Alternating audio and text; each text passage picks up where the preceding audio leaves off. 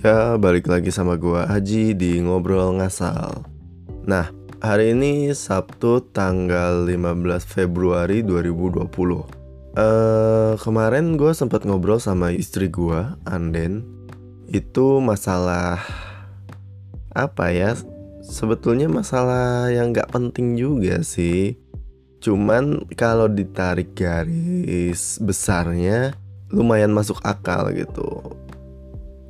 Intronya gini banget ya, langsung apa nih orang-orang bikin? Apa nih si Haji ngomong apa? Tiba-tiba gitu kan. Gue tuh seakan-akan kayak orang yang pengen curhat gitu ya, datangin temen langsung gue pengen curhat gitu. Sejenis itulah gitu karena gue bingung harus buka opening gue ya, ya tadi aja lo gue Aji balik lagi dengan gue bla bla bla bla. Oke lanjut. Jadi memang gue beberapa kali udah nonton tentang para aktivis waria mencari kenyamanan hidup di Indonesia gitu kan. Terakhir tuh gue nonton di Cameo Project. Terus sebelumnya di Froyonion. Nah mereka tuh mencari keadilan untuk kaum mereka gitu ya. Untuk uh, hidup di Indonesia tuh aman, nyaman gitu nggak dibedakan, nggak dilihat sebelah mata sama orang-orang gitu. Karena kalau menurut mereka pemilihan jalan mereka menjadi seperti saat ini tuh ujung-ujungnya sama kayak kita pencarian jati diri gitu. Kalau gue sih nggak mempermasalahkan ya secara kemanusiaan gue nggak mempermasalahkan. Ya terserah lah maksudnya mungkin mereka itu orang-orang yang berani untuk mendobrak sebuah dinding di mana mereka tahu resikonya gede yaitu tadi nggak diterima sama masyarakat. Tapi mereka tetap ngambil jalan itu untuk mencari diri dia yang sebenarnya tuh kayak gimana gitu. Toh kalau dia nggak ngejalanin yang bukan diri dia sendiri tuh dia nggak nyaman juga stres-stres juga bisa sampai depresi kalau contohnya gue gue masih bingung diri gue tuh seperti apa sebenarnya profesi apa yang harus gue jalani. Ya sama aja sih menurut gue jadi gue nggak bisa ngejudge mereka salah nggak pantas atau kayak gimana. Sebenarnya gue ragu untuk bilang salut. Karena di Indonesia tuh kalau kita bilang salut tapi ke sesuatu hal yang mungkin masyarakat nggak suka tuh kita dianggap jadi sebuah bagian dari mereka juga gitu rada sedih sih memang dengar ceritanya. Mereka sih tetap bilang orang tuh nggak berhak ngejudge mereka gitu. Karena apa yang di, mereka rasakan tuh orang nggak rasakan. Gimana para waria itu bisa mendobrak atau transgender kali ya?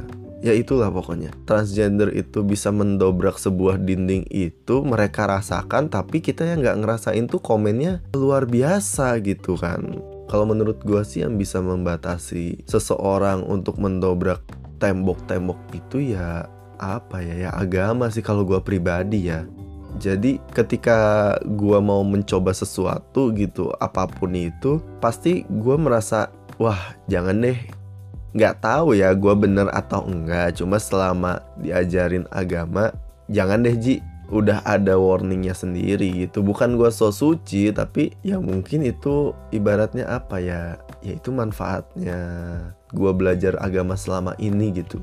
Udah sih maksudnya menurut gue yang bisa membatasi sebuah bukan ketidakwajaran ya apa ya sebuah tembok-tembok itu biar kita tidak melebihi batas atau gimana ya agama gitu menurut gue karena gue dengan umur segini dengan hidup yang tadi serba ada pagar-pagernya gue pun merasa kok gue tidak bebas ya? Gue merasa di kerangkeng atau di sangkar burung yang gue tidak mencoba sesuatu hal yang mungkin lumrah tapi gue takut atau gue takut dosa atau takut wah image Aji tuh udah A ketika dia melakukan sesuatu hal di luar kemampuan si A ini si Aji kok gitu ya? Gitu. Dan nah gue masih takut stigma orang-orang terdekat gue sih. Mungkin kayak gitu ya terus uh, di sisi lain kalau ngelihat kasus si LL ya tau lah LL lu cinta Luna anjir. Di kasus LL ini ada pendapat temen gua dia bilang ya udahlah dia udah jadi udah milih jadi cewek ya udah gitu nggak usah diusik sebelumnya gue setuju dengan statement itu cuman yang menurut gue kenapa orang mengusik si LL ini? Karena sifat dianya yang arogan agresif ujung-ujungnya udah kena kasus kayak sekarang media bersenang-senang gitu di atas awan untuk bikin redaksi sesuka hati dia gitu. Mungkin bukan media secara korporat tapi ada media secara perorangan yang gak suka sama dia pun ya siapa tahu yang nulisnya gitu kan bikin tulisan yang macem-macem bisa sekarang Terus ada yang bilang juga katanya dia dijebak sama temen-temennya karena temen-temennya malah negatif gitu kan.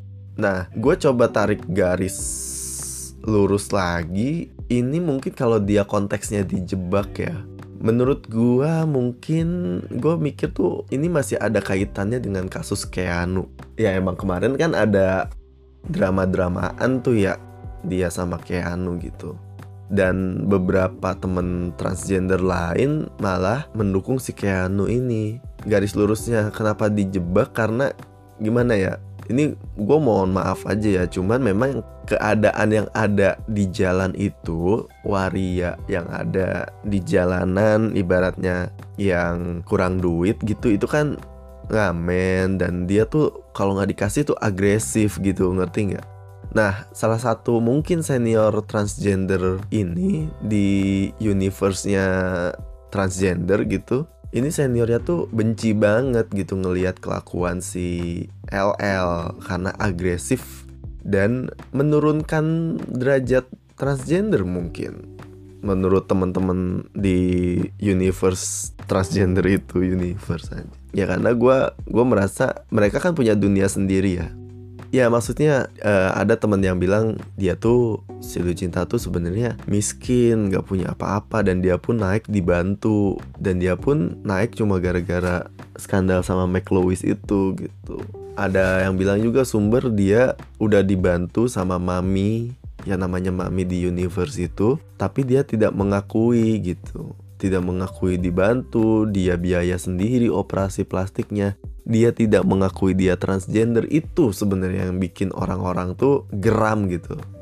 Gue tuh mikir ketika gue nonton video-video temen transgender lainnya kan mereka mencari keadilan kebenaran gitu kan. Mungkin karena stigma uh, waria-waria yang ngamen agresif di jalan itu masyarakat tuh kan jadi takut ya.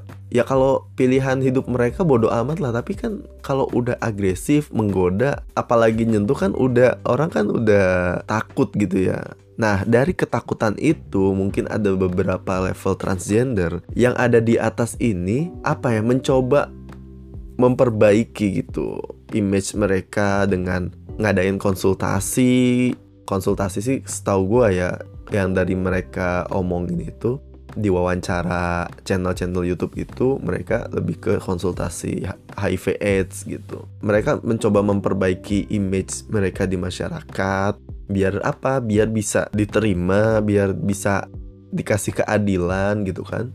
Tapi si Lucinta Luna ini dengan ribut kemarin itu atau sebelum sifat-sifat dia sebelumnya tuh bikin masyarakat gerah, bikin masyarakat tuh uh, ya takut gitu. Kok gini banget sih gitu. Dan dia ada di lingkungan infotainment gitu.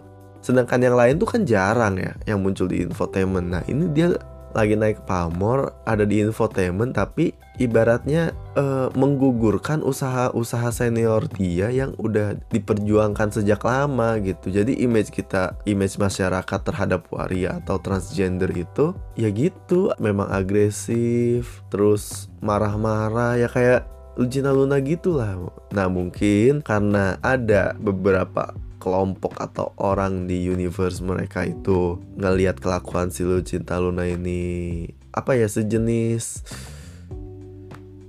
uh, menghambat perjuangan mereka atau menghancurkan perjuangan mereka selama ini ya dia dijebak ya dalam artian di, biar dia dibungkam gitu. Biarnya dia diem nggak ada di infotainment lagi gitu kan. Itu sih menurut gua nggak ada poinnya kan? Intinya apa ya? Intinya kalau gue secara apa ya secara sosial gue setuju. Bukan setuju lah maksudnya bodoh amat gitu. Ada mereka ya udah nggak ada ya udah gitu. Tapi gue jujur loh gue pengen tahu gitu proses mereka menjadi transgender tuh apa gitu kan? Ya mudah-mudahan sih dari nonton sebenarnya udah lumayan cukup sih. Cuman kadang namanya penasaran kan pengen taunya lebih detail kan. Tapi ya mungkin guanya juga harus siap dengan mager-magerin mager mager males gerak ya. Pager-pagerin diri gua gitu. Nah secara agama ya menurut gua pribadi ya gak usah komen lah ya.